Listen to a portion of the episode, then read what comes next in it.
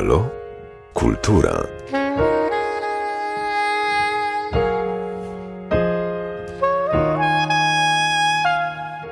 Przed mikrofonem Józef Szopiński, a moim gościem jest Oswald Rodrigo Pereira. Kłaniam się nisko, witam serdecznie. Dzień dobry. Hasło naszej dzisiejszej rozmowy to z kamerą w strefie śmierci. Porozmawiamy oczywiście o Twoich wyjazdach na Ukrainę i o tamtejszej strefie śmierci, ale także o pobycie powyżej 8 tysięcy metrów.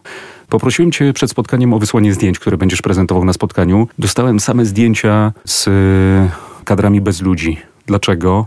Myślałem, że, że, że to właśnie ludzie odpowiadają za wojnę, a dostałem same kadry i nie ma tam ani jednego człowieka. Dlaczego takie zdjęcia mi przesłałeś? Trafne spostrzeżenie, ponieważ jak zacząłem jeździć tak naprawdę najpierw do, do granicy polsko-ukraińskiej, jak, jak zaczęła się wojna, no to oczywiście jakiś taki zmysł reporterski no, kazał mi zabrać kamerę ze sobą, aparat fotograficzny. I rzeczywiście te, te pierwsze dni, pierwsze tygodnie wojny pamiętamy jakby tą, tą falę uchodźców, która, która przyjeżdżała do Polski. E, no i pamiętam, że porobiłem trochę zdjęć wtedy, jeszcze przy tym pierwszym wyjeździe, ale później uznałem, że, że nie chcę ich nigdy, nigdzie publikować, bo tak naprawdę ci ludzie e, no, są trochę anonimowi, są w jakiejś takiej potrzebie, w sytuacji, w której może się nie spodziewali, że, że znajdą się i, e, i nie chcę nadużywać trochę, tak, jakby wizerunku tych osób. I takie same miałem sytuacje, jak jak byłem w Buczy, jak byłem w Kijowie, może tam akurat nie było takich powiedzmy jakichś makabrycznych sytuacji, czy, czy gdzieś tam z punktu widzenia, tak jak się mówi w internecie, że, że content jest wrażliwy. E, I, I nawet jak komuś pomagałem, to zawsze wychodziłem z założenia, że, że nie wiem, czy ta osoba chce, bo zawsze jest takie poczucie wdzięczności, że jak ja poproszę kogoś o zdjęcie, zróbmy zdjęcie, bo ci pomogłem, nie wiem, przejechaliście ze mną bezpiecznie granicę, to to sobie nie odmówią, bo oczywiście im pomogłem, ale w jakiś sposób y, na tyle, na ile mogę, opowiadam historię, dzielę się tym, tym, co mnie spotkało, bo też jakby nieraz miałem historie, które, które mogły mnie gdzieś tam sparaliżować e, w swoim działaniu i właśnie tym, tym pomaganiu.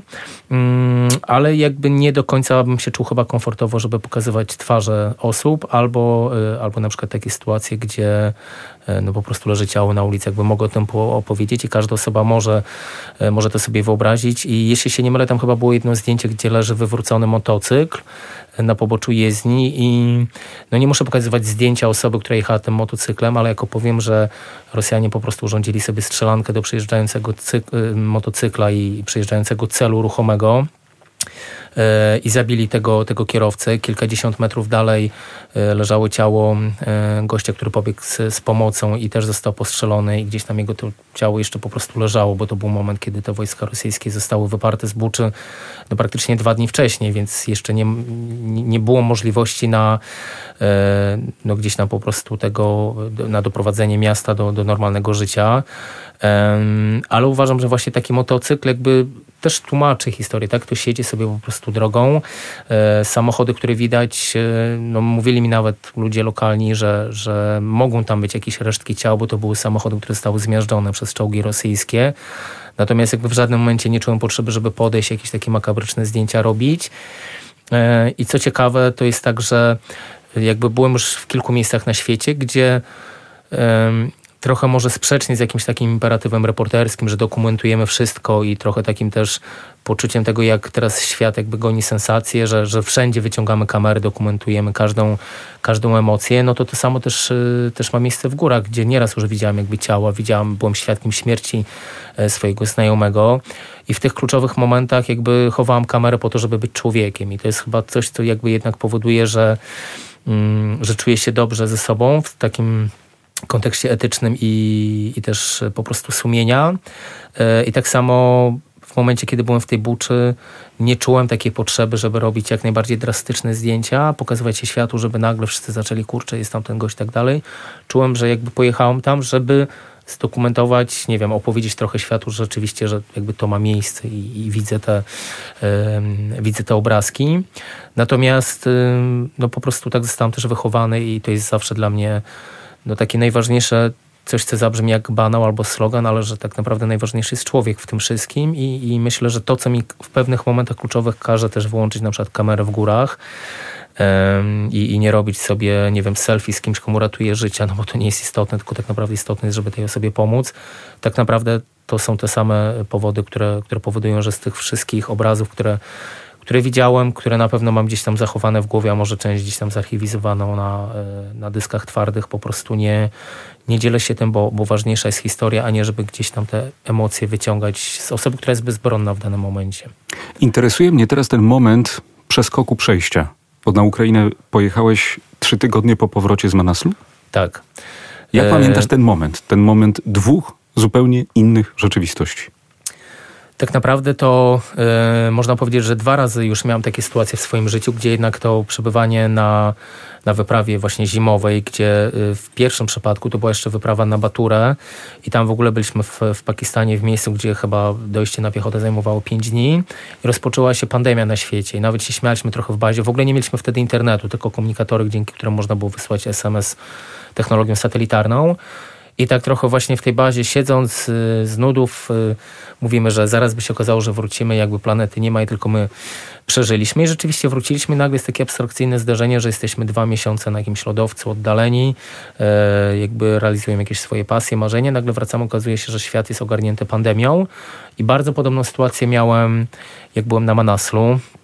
Ja tą wyprawę chyba zakończyłem 8 albo 10 lutego, więc y, no jeszcze to była chwila przed wybuchem wojny, ale pamiętam, że ja nawet w marcu miałem jechać do Kijowa, po prostu taki y, wypad wiosenny z grupą znajomych i pamiętam, że właśnie jeden znajomy mi napisał, słuchaj, nie wiem co tam się dzieje, jest jakaś mobilizacja wojsk po stronie rosyjskiej, nie wiem czy ten wyjazd do Kijowa będzie bezpieczny. Ja mówię, nie no, w ogóle jak abstrakcja, o czym my rozmawiamy, jakby przecież w takich czasach nikt się nie odważy zaatakować innego państwa, bo zawsze nam się wydaje, że to jest gdzieś tam daleko i, i nawet raz jak czytam książkę o Sarajewie, to właśnie było takie porównanie, że to się dzieje 200 kilometrów od ciebie, wydaje się, że to się dzieje w Kongo, tak? A tutaj nagle się okazuje, że jednak granica rosyjsko-ukraińska też jest daleko, ale nagle tak naprawdę pociski spadają przy granicy polsko-ukraińskiej. Więc wróciłem do Polski I jeszcze jakby nie do końca zdając sobie sprawy z tego, co, co się może wydarzyć. Zresztą myślę, że większość ludzi jednak nie, nie spodziewała się tego. Mijają dwa tygodnie, rozpoczyna się wojna. I tak naprawdę zobaczyłem no z pewnym takim, no nie chcę powiedzieć, że pesymizmem, ale obserwowałem, co się dzieje w social mediach, tą, tą całą potrzebę pomocy, dzielenia się tym, że każdy tutaj jeździ, organizuje zbiórki i tak dalej. I mam taką naturę po prostu trochę takiego stoickiego też przyczekania obserwatora i nie rzuciłem się w tym pierwszym pędzie, bo stwierdziłem, że no niech na razie pomagają ci, którzy, którzy są do tego wyszkoleni, przygotowani. I co ciekawe, akurat byłem na zdjęciach w Tatrach, zresztą pod kątem właśnie e, filmu, który robiłem o tej wyprawie na Manaslu. I zadzwonił do mnie Alex Cikon z Hiszpanii, którego poznałem właśnie podczas wyprawy na Manaslu, mówiąc, że słuchaj, obserwuję, co się dzieje na granicy.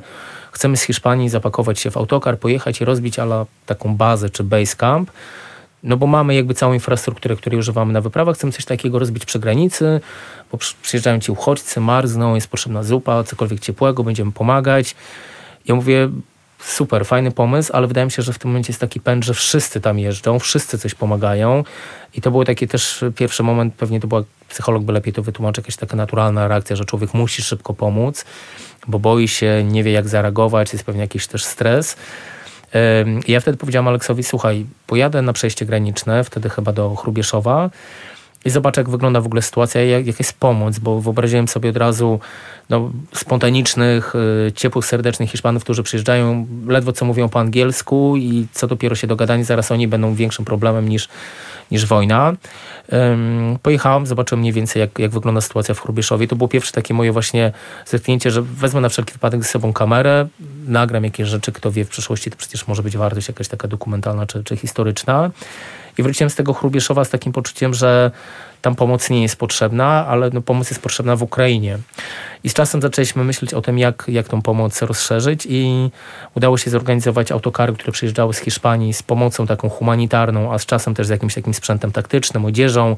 Też na przykład jak przyjechałem do tego Chrubieszowa i zobaczyłem ogromny po prostu namiot polowy, który jest wypełniony ubraniami, które są śmieciami tak naprawdę i jakby mówię, no to nie jest żadna pomoc. Ktoś oczyścił szafę, wyrzucił to i to tak naprawdę wszystko tam jakieś pleśni czy, czy zgniliźnie. Więc to mi też uświadomiło, że w takim razie ta pomoc jest potrzebna, ale no musi to być jakościowo pomoc, tak? Niech nie przyjeżdża parę razy w tygodniu autokar y, z rzeczami, które są do wyrzucenia, tylko niech oni tam mają czas, zorganizują na przykład leki, które są potrzebne. No wtedy wszystko praktycznie było potrzebne. No był taki moment, że jeszcze zima, ciepła odzież. I zorganizowaliśmy taki łańcuch, można powiedzieć, przerzutowy, że przyjeżdżał autokar z Hiszpanii do, do Polski. Ja mniej więcej mówiłem, jakie są, jakie są główne potrzeby. E, do tego autokaru ja przygotowałam listę pasażerów, e, czyli osób, które uciekły z Ukrainy, chciały się przedostać do Hiszpanii. E, mogliśmy zweryfikować tożsamość tych osób, ewentualne choroby, jakby potwierdzić rzeczywiście, czy są warunki bytowe w Hiszpanii. I ten autokar odjeżdżał do Hiszpanii, a ja wtedy po prostu te rzeczy, które były niezbędne gdzieś tam na froncie, czy po prostu po tej ukraińskiej stronie zacząłem sam zawozić do, do Lwowa albo po prostu gdzieś tam, w, tam, tam, gdzie mogłem dojechać. Więc można powiedzieć, że no miałem taki po prostu moment na pewno, gdzie może jeszcze nie zdążyłem osiąść zbyt dobrze w tej rzeczywistości polskiej, europejskiej, ciepła, komfortu swojego mieszkania i zaczęła się wojna, ale z drugiej strony też właśnie tak no trochę wiedziony przeczuciem i chyba też trochę już doświadczeniem stwierdziłem, że poczekajmy aż ta wielka taka pierwsza fala pomocowa się przewinie E, I jakby w żadnym momencie, nie wiem, no ja nie winię ludzi, którzy nie rozumieli tego, co ja robię, którzy nie chcieli pomagać, albo wręcz ja dostawałam krytykę, że słuchaj, przez e, wojnę w Ukrainie, przez to, że ci ludzie do nas napływają, czeka nas kryzys e, finansowy, energetyczny i tak dalej, jakby no, to, to nie, ja na to nie mam wpływu, tak? Ale jeśli mogę komuś pomóc i zawieźć coś, jeśli mogę jakąś rodzinę przewieźć do bezpiecznie do Polski albo zagwarantować jakieś tam warunki bytowe e, w Hiszpanii, no to po prostu robię to, robię to co mogę, a, a nie pcham się na rzeczy, które są poza moim zasięgiem. Ale na pewno, na pewno też no mocno mnie to gdzieś tam wybiło z rytmu, bo no człowiek wraca z takiej wyprawy wyczerpany, ale też z kolejnymi marzeniami.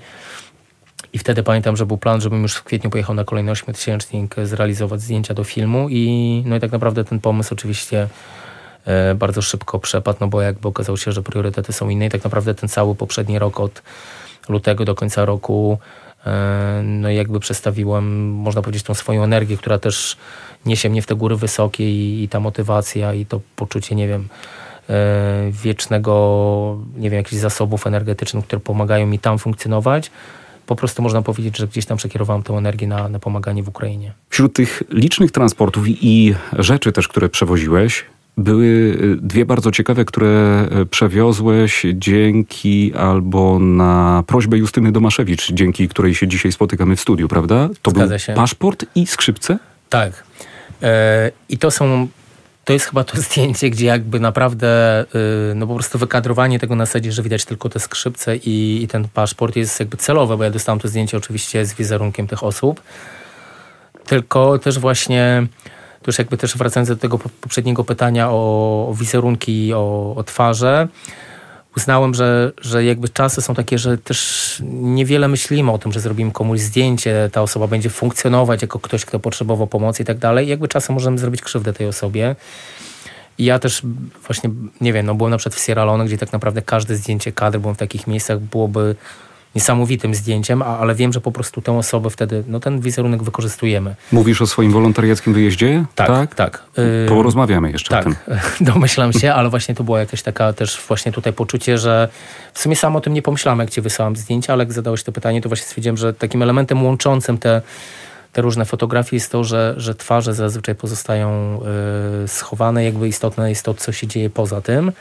No dobrze, e, czyje to były skrzypce i czyj paszport? Y, no i widzisz, na przykład skrzypce ja nawet nie znam imienia tej pani. Po prostu było tak, że e, Justyna wiedziała, że, że ja jeżdżę do Ukrainy. Wiedziała, że, że byłem już w różnych miejscach, bo wtedy już miałam, miałam okazję być e, w Kijowie, też zupełnie właśnie przypadkowo znaleźć się w Buczy.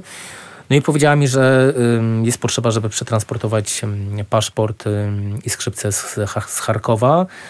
E, no, skrzypce należące do, do kobiety, gdzie e, no, można powiedzieć, że one z pokolenia na pokolenie gdzieś tam w tej, w tej rodzinie funkcjonowały.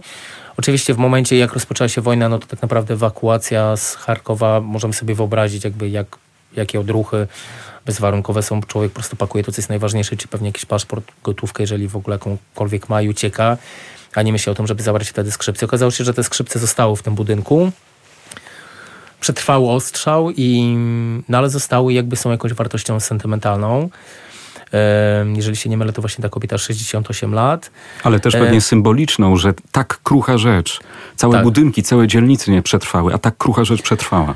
Właśnie y, to jest trochę taka, y, to jest element, który bardzo często wykorzystuję w tej prelekcji, bo właśnie mając świadomość jakby jak można drastycznie pokazać wojnę, i opowiadam o tym wszystkim w Buczy i jednym ze slajdów jest właśnie skrzypce i paszport. I mówię właśnie, że skrzypce, które są bardzo kruchym instrumentem, lekkim, przetrwały, mm, przetrwał ten ostrzał, a z drugiej strony jakby skrzypce są tak potężne, że przecież pierwsze skrzypce, jakby kluczowa kluczowa y, grupa instrumentów w orkiestrze i tak naprawdę na nich przecież większość utworów granych przez orkiestry się opiera i dla mnie to był taki niewiarygodny symbol, że po iluś tam transportach, iluś sytuacjach kryzysowych, jak dowiozłem te skrzypce, jak przejechałem granicę i wiedziałem, że są po polskiej stronie, no łzy mi z oczu poleciały.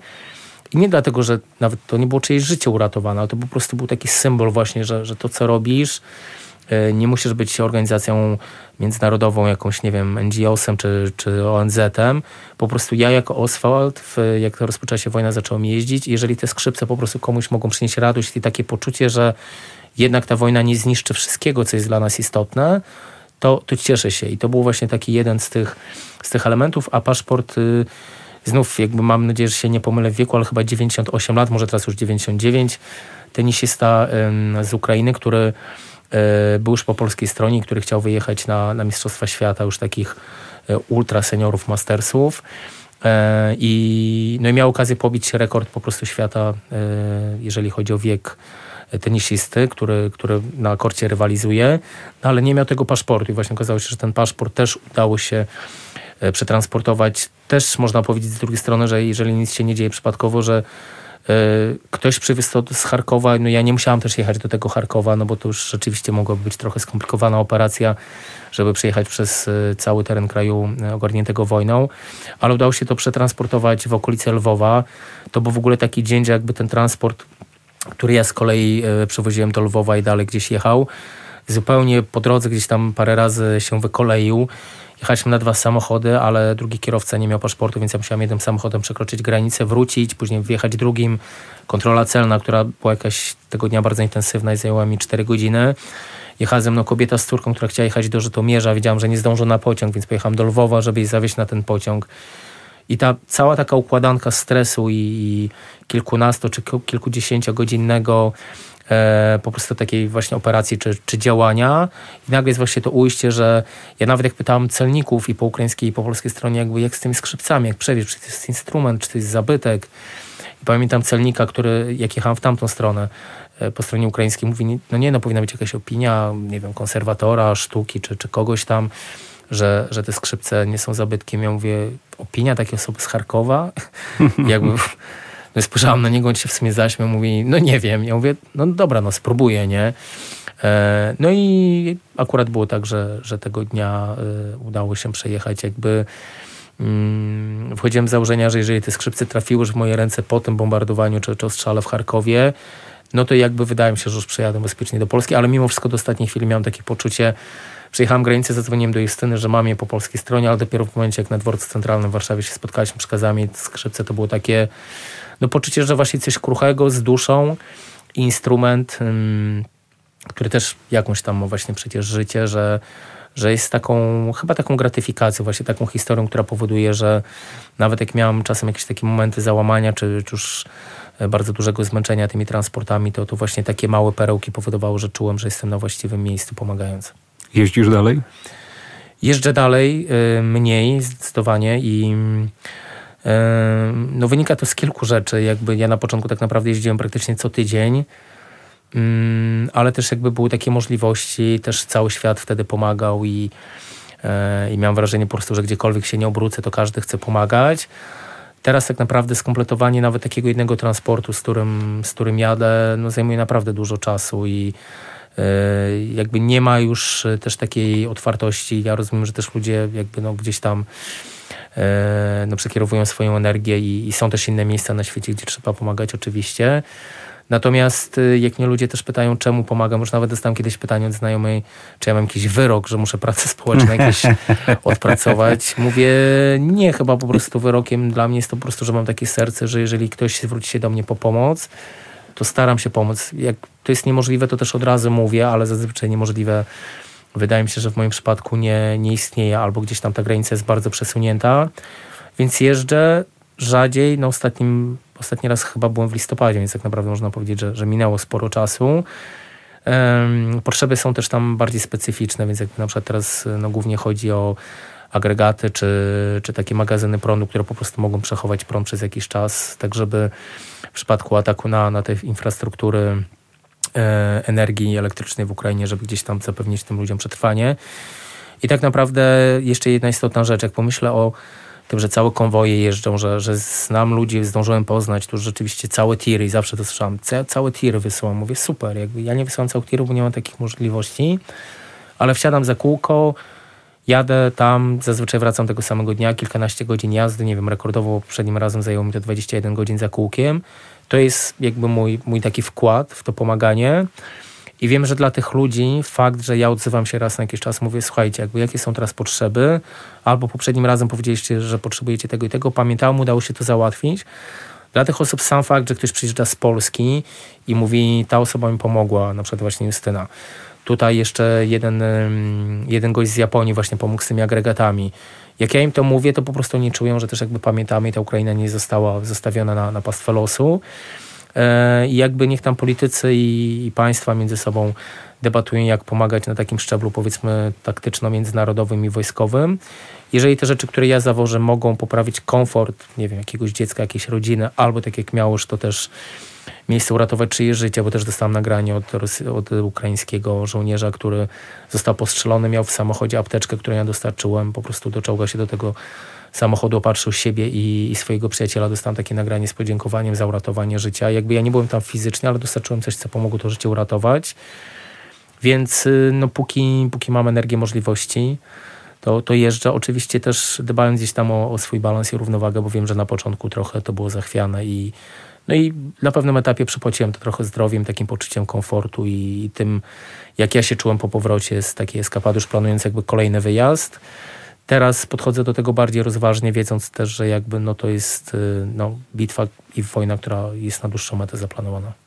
Powiedziałeś, że starałeś się pojechać, przekazać dary, wracać. Czy to jest trochę też tak jak w górach, że no po prostu nie możesz siedzieć, jeżeli chcesz przetrwać, jeżeli chcesz żyć, to musisz być w ciągłym ruchu i trzeba się ruszać? Myślę, że tak. Jakby nie myślałem nigdy o tym w ten sposób, yy, ale to było jakby kilka rzeczy się na to nałożyło. Można powiedzieć, że pierwszą z nich było to, że na początku yy, tak naprawdę te samochody, którymi jeździłem, były wynajmowane, więc też chodziło tam, żeby gdzieś ograniczyć koszt i, i dobę. ale i tak było ciężko tak naprawdę zorganizować to w ciągu 24 godzin. Z czasem udało się tak, że jakby nie, nie, nie ponoszę opłat za, za te samochody, którymi zawożę tam rzeczy. Natomiast tak z racjonalnego punktu widzenia jakby większość ostrzałów i takich niezapowiedzianych można powiedzieć jest w nocy albo, albo świcie. Wtedy, kiedy człowiek jest w tej swojej strefie komfortu. I no miałem oczywiście już takie, takie noce, kiedy, kiedy było, nie wiem, albo syrena, albo jak byłem pod Kijowem, że, że był ostrzał i rzeczywiście gdzieś tam widziałem to w zasięgu wzroku, co się dzieje. Więc po pierwsze stwierdziłem, że ograniczam jakby swoje ryzyko jakby ten margines błędu zmniejszam. A po drugie, że przez ten czas jakby mniej obciążam tych ludzi, którzy tam się chcą mną zaopiekować, tak? Bo to jest trochę tak jak z tym, e, z takim, nie wiem, też e, podejściem ludzi, którzy chcą pojechać, nie wiem, na front, zobaczyć wojnę z bliska, miałem takie osoby, które mówiły, chcę pojechać z sobą do Ukrainy, chcę, nigdy nie byłem w kraju, gdzie jest wojna. Mówię, no to odpal sobie Netflixa, jakby wyobraź sobie, że tam jesteś. Natomiast y, jakby ja nauczyłem się życiem, że tak naprawdę jak jedziesz, to obciążasz te osoby, które się tobą opiekują. Jeżeli na przykład pojedziesz do jednostki wojskowej, to oni zamiast dbać o siebie, no dbają o, o ciebie, bo jesteś gościem, a jeżeli jesteś dziennikarzem czy korespondentem, no to jesteś tak naprawdę no, w takiej nomenklaturze wojskowej, no tak naprawdę jesteś VIP-em, więc oni mają też ciebie chronić, więc nawet jak byłem pod Kijowem i dostałem zapytanie, czy chcę pojechać, bo byliśmy 20 km od, od linii frontu, czy chcę tam pojechać, powiedziałem nie, jakby przecież wy macie swoją wojnę, po co ja tam pojadę porobić foty i, i, i z kamerą się pamiętać pod nogami.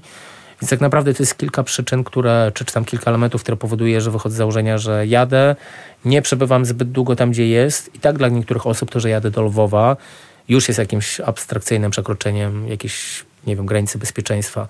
Dla mnie to jest cały czas jakby w takiej strefie komfortu, że jakby jadę, dojeżdżam do Lwowa, ci ludzie na przykład z Charkowa, czy z Ługańska, czy, czy z Doniecka po prostu przyjeżdżają, zabierają te rzeczy i dalej się tym, tym zajmują. I, i jakby ja pomagam, ale też nie, nie na takich wariackich papierach, że właśnie, nie wiem, pojadę samochodem do Charkowa, a później zostanę tam uziemiony na trzy dni, na przykład będzie ostrzał, więc staram się, staram się to robić rozsądnie i myślę, że to nawiązanie też do, do 8000 metrów no jest dobre. Jakby nie, nie pomyślałem o tym w ten sposób, ale rzeczywiście no tam to działa na zasadzie wejść, zaklimatyzować się, zejść. Tak jakby nikt nie chce zostać na tym szczycie zbyt długo. Jakby nikt y, też, no zawsze trzeba po prostu oszacować tak siły, żeby wejść na ten szczyt i, i z niego wrócić.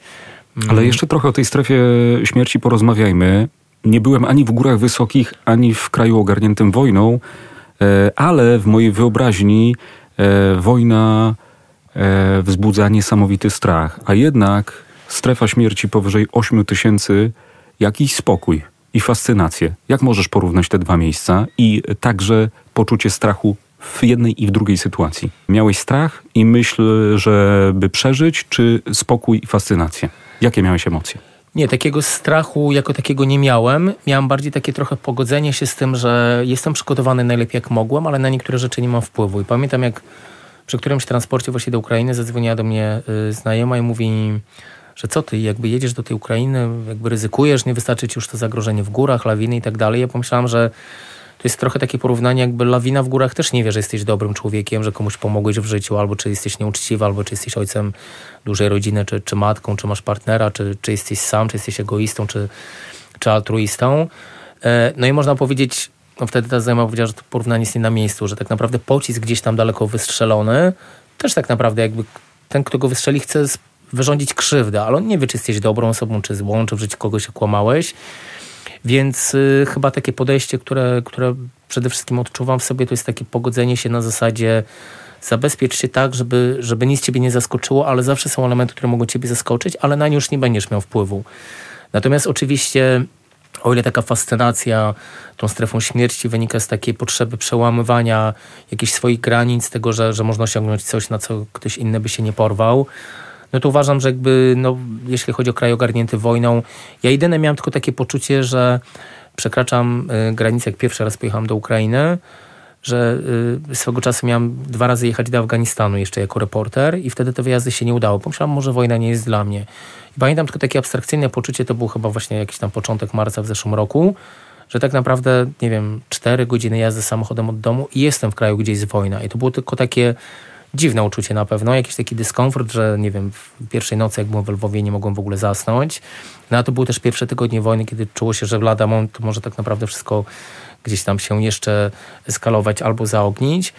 E, natomiast y, no powiedziałbym, że podobieństwa między tym, że tutaj nie masz wpływu na to, jakby w którym momencie może ciebie trafić pocisk, no bo jeżeli pomyślimy, że nie wiem, jadę do Lwowa i tam naprawdę miałoby mi się coś stać, to naprawdę musiałoby być bardzo niekorzystny e, zbieg okoliczności.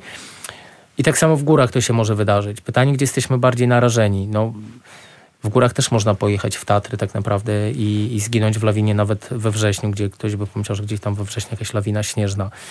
Więc powiedziałbym, że na pewno to, co rozróżnia, to jest to, że jakby do Ukrainy jeżdżę nie z poczucia, nie wiem, przygody czy przełamywania barier, tylko z poczucia potrzeby, że jakby ja mogę być komuś potrzebny, a w góry to jest jednak, jakby nie patrzeć, jakaś egoistyczna zachcianka. E, I wiem, że też wielu ludzi na świecie nie rozumie himalaizmu. I mówię konkretnie o himalaizmie, bo jednak e, to jest bardzo kosztowny sport, czy nawet nie sport, tylko eksploracja.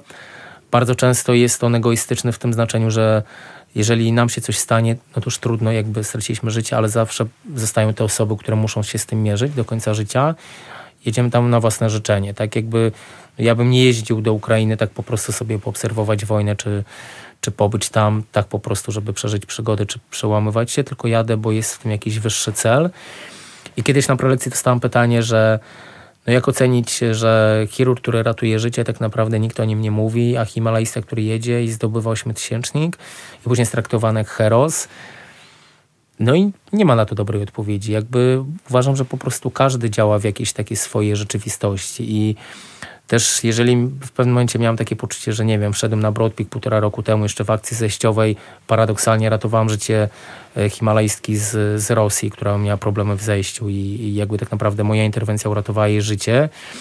E, no ale jakby kolejny rok tak naprawdę można powiedzieć, że poświęciłem na to, żeby jednak swoje życie poświęcić komuś innemu. Więc wydaje mi się, że tutaj należy po prostu zachować jakiś zdrowy rozsądek i tak naprawdę samemu sobie odpowiedzieć na pytanie, po co jedziemy w te góry.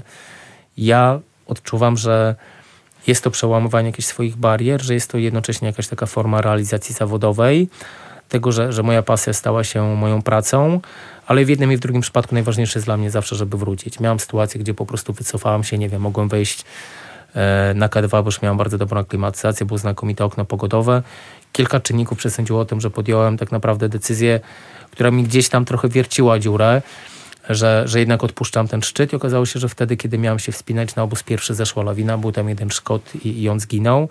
Ja wróciłem do domu, więc jakby najważniejsze jest no właśnie wrócić, bo, bo to życie jest zawsze na nizinach i to moje życie też jest u siebie w domu, a nie w Ukrainie, ani nie na ośmiotysięcznikach. To są takie miejsca, gdzie albo mogę przełamywać siebie w sposób sportowy, albo w jakiś taki sposób przełamujący swój, swój komfort życiowy. W górach jesteś operatorem, ale także sportowcem, bo przecież najlepsze ujęcia są z góry, a więc musisz być czasem ciut silniejszy, albo szybszy, albo po prostu pomyśleć, żeby znaleźć się przed wspinaczami na górze, prawda? To prawda, yy, bo właśnie często jak kogoś poznaję, słyszę pytanie, że no ale jak to robisz? Idziesz za tymi ludźmi i ich filmujesz? Mówię, no nie no, jakby kto chce oglądać tyłki, tył, jak, tyłki jak, się, jak się wspinają Himalajści, jednak chodzi o ujęcie z góry, które jest widowiskowe, pokazuje jakby no ten bezmiar, nie wiem, ściany lodowej, czy, czy śnieżnej, czy skalnej. Więc tak, jakby już jak pierwszy raz pojechałem na, na wyprawę, e, wtedy jeszcze jako reporter, można powiedzieć zewnętrzny, na Narodową Zimową Wyprawę na K2, tu dwa miesiące tak trenowałem, że, że miałem poczucie, że tak, tak jakbym jechał sam ten szczyt zdobyć. E, I nawet jak się zastanawiałem, kurczę, czy jednak nie przetrenowujesz się, ale okazało się, że to, że tam pojechałem, czułem się dobrze, że byłem dobrze zaaklimatyzowany, że e, jak gdzieś tam wyszedłem odrobinę powyżej bazy, żeby porobić jakieś ujęcia, czułem się super, że dobrze reagowałem na zimno, spowodowało, że to środowisko mnie przyjęło, mimo że dziennikarz zazwyczaj jest e, no, persona non grata w środowisku wspinaczkowym. I można powiedzieć, że tak naprawdę to, że tak podszedłem sportowo, zawodowo do, do tematu, otworzyło mi gdzieś tam kolejne drzwi. No i zawsze wychodziłem z założenia, że ta kamera nie może w żaden sposób ani ja obciążać Himalajstów. Więc jeśli nie chcę, żeby nikt mi szedł, żeby nikt nie musiał mi pójść pomagać, no to po prostu muszę być tak przygotowany, żeby być samodzielny. A I... jeśli porównamy kilogramy szpeju twojego i wspinacza, no bo ty musisz mieć sprzęt wspinacza, no i sprzęt filmowy, prawda? Mam więcej. Jakby... porównasz to kilogramowo, czy nie? Czy nie jesteś w stanie? No, no oczywiście w zależności od... Za Zazwyczaj mówi się, że przy takim wyjściu, gdzie, gdzie jakby już wysokość ma, ma wpływ na wspinacze, nie powinno się brać więcej niż 12-14 kg. I to samo jest na trekkingu, gdzie ja bardzo często obserwuję, jak e, ludzie sobie idą w trekkingu, mają lekki plecaczek, sobie tam wjeżdżą pod nosem, śpiewają, a ja idę załadowany całym sprzętem, przecież nie oddam obiektywów, żeby szły na, e, na plecach osła, czy, czy po prostu, żeby nie mieć jakiś tragaż, no bo no, niestety jakby nie mogę zaufać. Więc mam cały sprzęt, który jest mi potrzebny, plus zazwyczaj jakieś tam kilogramy. I pamiętam nawet jak wracałam z wyprawy na K2 i na Broad Peak, to e, szedłem razem z tragarzami pakistańskimi, wyprzedziliśmy resztę ekipy, która szła dość lekko, e, obliczona i ci tragarze jak zdjąłem plecak pomogli mi i nie mogli uwierzyć. Wzięli wagę i zważyli, że tam chyba 19 czy 20 kilo i pukali się w czoło, że przecież możesz to komuś oddać. Ja mówię, nie, to jest moje narzędzie pracy. I tak jak jeżeli pójdę się wspinać i nie wezmę, nie wiem, raków czy butów, to nie mogę się wspinać.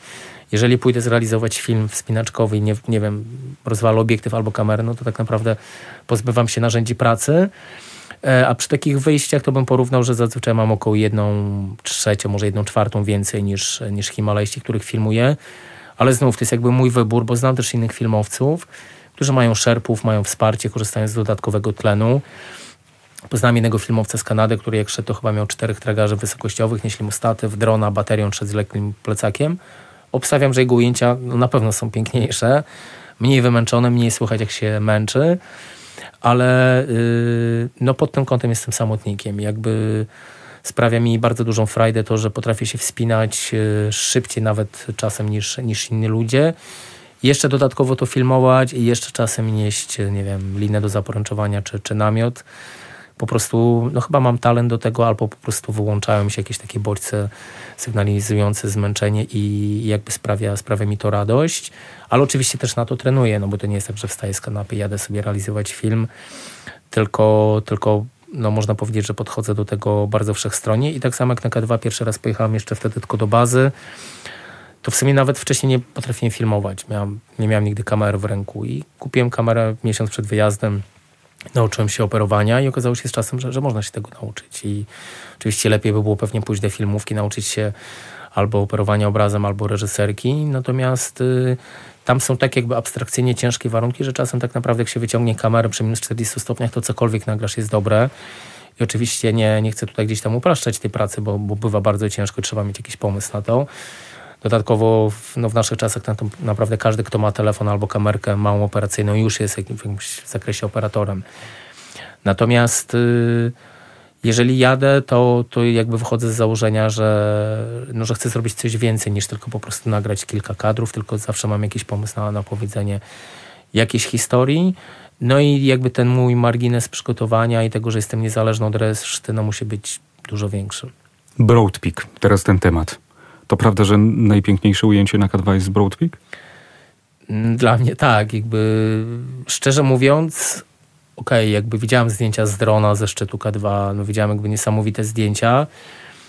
Natomiast właśnie chodzi o to, że jakby w tym, nie wiem, potwierdzeniu na przykład dla mnie, że te ujęcia y, K2 najpiękniejsze są z Broadpeaka, jakby dochodzi ta historia, że wchodzisz na, na Broadpeak, na pewną wysokość, na 7000 metrów i nie idziesz tam zdobyć szczyt. Idziesz tam po prostu ze statywem, kamerą, bo nikt nie jest na tyle szalony, żeby wspiąć się na 7000 metrów, żeby złapać piękne ujęcie ściany K2 a ja na tyle jestem szalony i, i też jak właśnie pokazuję swoje zdjęcia na prelekcji, to są po prostu, każde zdjęcie ma swoją historię. Nie wszystkie zdjęcia są ładne, nie wszystkie są dobrze skadrowane, bo nie zawsze jest czas na to, ale zawsze prezentuję zdjęcia, które mają jakąś głęboką historię w sobie i, i myślę, że właśnie fakt, że po, wykupiłem to e, pozwolenie na wspinanie się na Broad Peak w 2021 roku, właśnie z taką myślą, ja jadę sam, nie mam całej ekipy, E, która będzie filmować z nie wiadomo jakich ujęć tą, tą ścianę K2, muszę pomyśleć o jakimś takim unikatowym zaprezentowaniu tej ściany. No to wejdę na, na Broadpeak i to będą unikatowe zdjęcia. I wszedłem do obozu trzeciego, nagrałem te ujęcia, które chciałem nagrać. Okazało się, że jest okno szczytowe. No i już bez kamery takiej ciężkiej poszedłem na szczyt i, udało się na ten szczyt wejść, więc to była chyba taka nagroda za, za tą historię. Bez kamery i bez tlenu. Tak. E, można powiedzieć, no co to za filmowiec, że idzie bez kamery, ale akurat w tamtym momencie wiedziałem, że jakby mogę odpuścić. Znaczy miałem jakąś tam małą kamerkę, ale nie tą powiedzmy, którą realizuję e, swoje reportaże czy, czy filmy. I tak, bez dodatkowego tlenu, co no jest jakby dla mnie w ogóle takim warunkiem operowania w górach i spotkałem się już z różnymi argumentami, różnymi historiami, jakby wychodzę z założenia, że każdy odpowiada za siebie. Jeżeli ktoś się chce wspinać, suplementując się dodatkowym tlenem z butli, to niech to robi. Ja nie chcę. Po prostu czuję wtedy, no jak, jakim jestem człowiekiem i jak wygląda moja i tak dość silna natura ludzka w zderzeniu jakby z potęgą gór. Dochodzą też kwestie pragmatyczne, choćby tego, że no są w historii udokumentowane przypadki, gdzie ktoś się wspinał z tlenem, ten tlen się skończył i nagle e, są problemy. Ja byłem świadkiem takiej historii wspinacza z Kataru, któremu no ten dodatkowy tlen z butli się skończył. Jego przewodnik e, też już nie miał tlenu. Ten przewodnik się ewakuował, ten katarczyk został sam i w efekcie się tak odmroził, że e, stracił palce jednej ręki.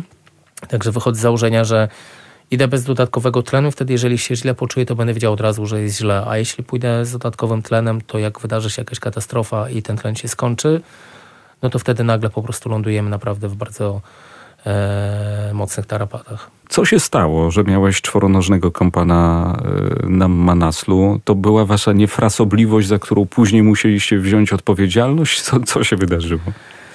No, znaczy wydarzyło się tak, że no jakby odruchem ludzkim jest chyba to, że jak przychodzi pies, a wiadomo pies, każdy pies jest zawsze głodny, to, to człowiek chce go karmić. Ja akurat jestem też wolontariuszem, pracuję z psami w schronisku i jakby mam serce do tych psów, ale wiem, że nigdy nie należy dokarmiać psów. No ale jesteśmy w Nepalu, jesteśmy na wysokości 3600 metrów, no i przychodzą bezdomne psy, więc oczywiście je dokarmiamy. I okazało się, że jeden z takich psów, który po baskijsku został e, ochrzczony jako Pincho, czyli igiełka, e, co okazało się, że jest jakimś tam bohaterem kreskówki, przychodził na tyle często do nas, że się przyzwyczaił i pewnie myślał, że jesteśmy jakby jego ludźmi, więc jak wyruszyliśmy do góry, jeden z basków pomyślał, dobra, trzeba zamknąć tego psa, bo on pójdzie za nami. Mówi, nie no słuchaj, jakby no, pies jest rozsądnym zwierzęciem, nie będzie się wspinać. No i ruszyliśmy i tak po kolei idziemy, idziemy. Patrzymy, ten pies idzie za nami, więc próbujemy go przegonić. No ale pies niewzruszony, cały czas dzielnie za nami dreptał. No i doszło do takiej sytuacji, że tam Nepalczycy mówią, nie wiem, no próbowali tam, nie wiem, udawać, że kamienie w niego rzucają, czy że to drzewa przywiążą. Mówię, jakby słuchajcie, no co zrobimy z tym psem? No przecież nie przemówisz mu do rozsądku, niech idzie, pewnie będzie w pewnym momencie się tak zablokuje, że zejdzie. No ale okazało się, że zablokował się w takim momencie, że nie był w stanie ani już iść do góry, ani, ani w dół, bo, bo było ślisko i lawiniasto. E, no i no cóż, no niewiele się zastanawiałem, stwierdziłem, że biorę go na plecy. Zastanawiałem się, jak to będzie z równowagą, ale pies zupełnie nie miał z tym żadnych problemów. Jeszcze się tak był rozkaproszony, że jak już później był w miarę płaski odcinek terenu i dałem go na, na podłoże, to pokazał, że, że nie, że jakby na plecy. Hello, proszę. Hello, tak, jak już zacząłeś, to kończę robotę.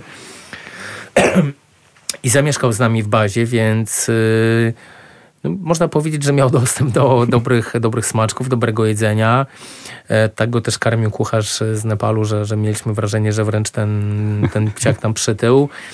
No i oczywiście dostałem mnóstwo tam sygnałów i komentarzy, wiadomości z Polski, że to już jest twój pies, musisz go adoptować, więc jakby no też y, już nauczony doświadczeniem i rozsądkiem jakby no dowiedziałem się, jaka jest sytuacja. Jakby po pierwsze, ciężko byłoby takiego psa przewieźć do Polski, praktycznie niemożliwe. Po drugie, jest to pies, który praktycznie cały, cały rok przebywa w takiej, w takiej strefie, gdzie jest śnieg, gdzie jest zimno. Jest też y, na tyle puchaty, że właśnie chroni go przed tą temperaturą.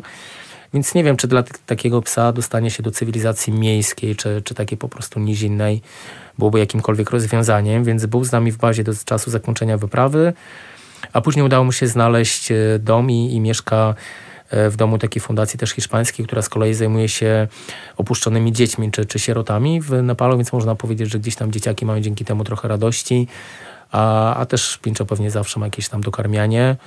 No i mam nadzieję, że następnym razem jak, jak pojadę będę miał okazję go odwiedzić, bo e, no na pewno jest to jakaś taka historia, która, ja mówię, akurat na tej wyprawie wiele wspinania nie było, ale przynajmniej jest o czym opowiadać, na przykład właśnie o psie. I jakie masz plany wysokogórskie? Plany są takie, żeby jeszcze w tym roku pojechać na jakiś ośmiotysięcznik. Mm, trochę można powiedzieć, że, że wypadłem z rytmu, mm, przynajmniej takiego właśnie, żeby się sfokusować w tym e, na 100%, ale myślę, że albo, e, albo jeszcze na wiosnę uda mi się do Nepalu polecieć na, na jakiś ośmiotysięcznik, no, który jeszcze nie wiem w tym momencie i też nie chcę zdradzić, bo gdzieś tam jeszcze negocjuję różne kwestie z tym związane. A jeżeli nie, no to myślę, że, że latem bym chciał wrócić e, do Karakorum. Może jeszcze nie K2, ale jakiś niski ośmiotysięcznik, Gasherbrum pierwszy albo drugi. I też e, w związku z tym właśnie ten mój wyjazd teraz do Ukrainy jest jakimś takim zamknięciem tego rozdziału, bo wiem, że, że gdzieś tam w okresie wiosenno-letnim chcę się skoncentrować też na, na tym, co jest jakimś takim, nie wiem, moim celem, pasją i, i też trochę pracą i, i, i tym, z czego na co dzień się utrzymuję, więc mam nadzieję, że, że pojadę w góry i przywiozę jakąś historię. Miejmy nadzieję, że tym razem może więcej wspinania, a mniej psów. Wszystkiego dobrego dla Ciebie, dla Twoich bliskich. Naszym gościem był Oswald Rodrigo Pereira. Dziękuję. Dziękuję serdecznie i do usłyszenia.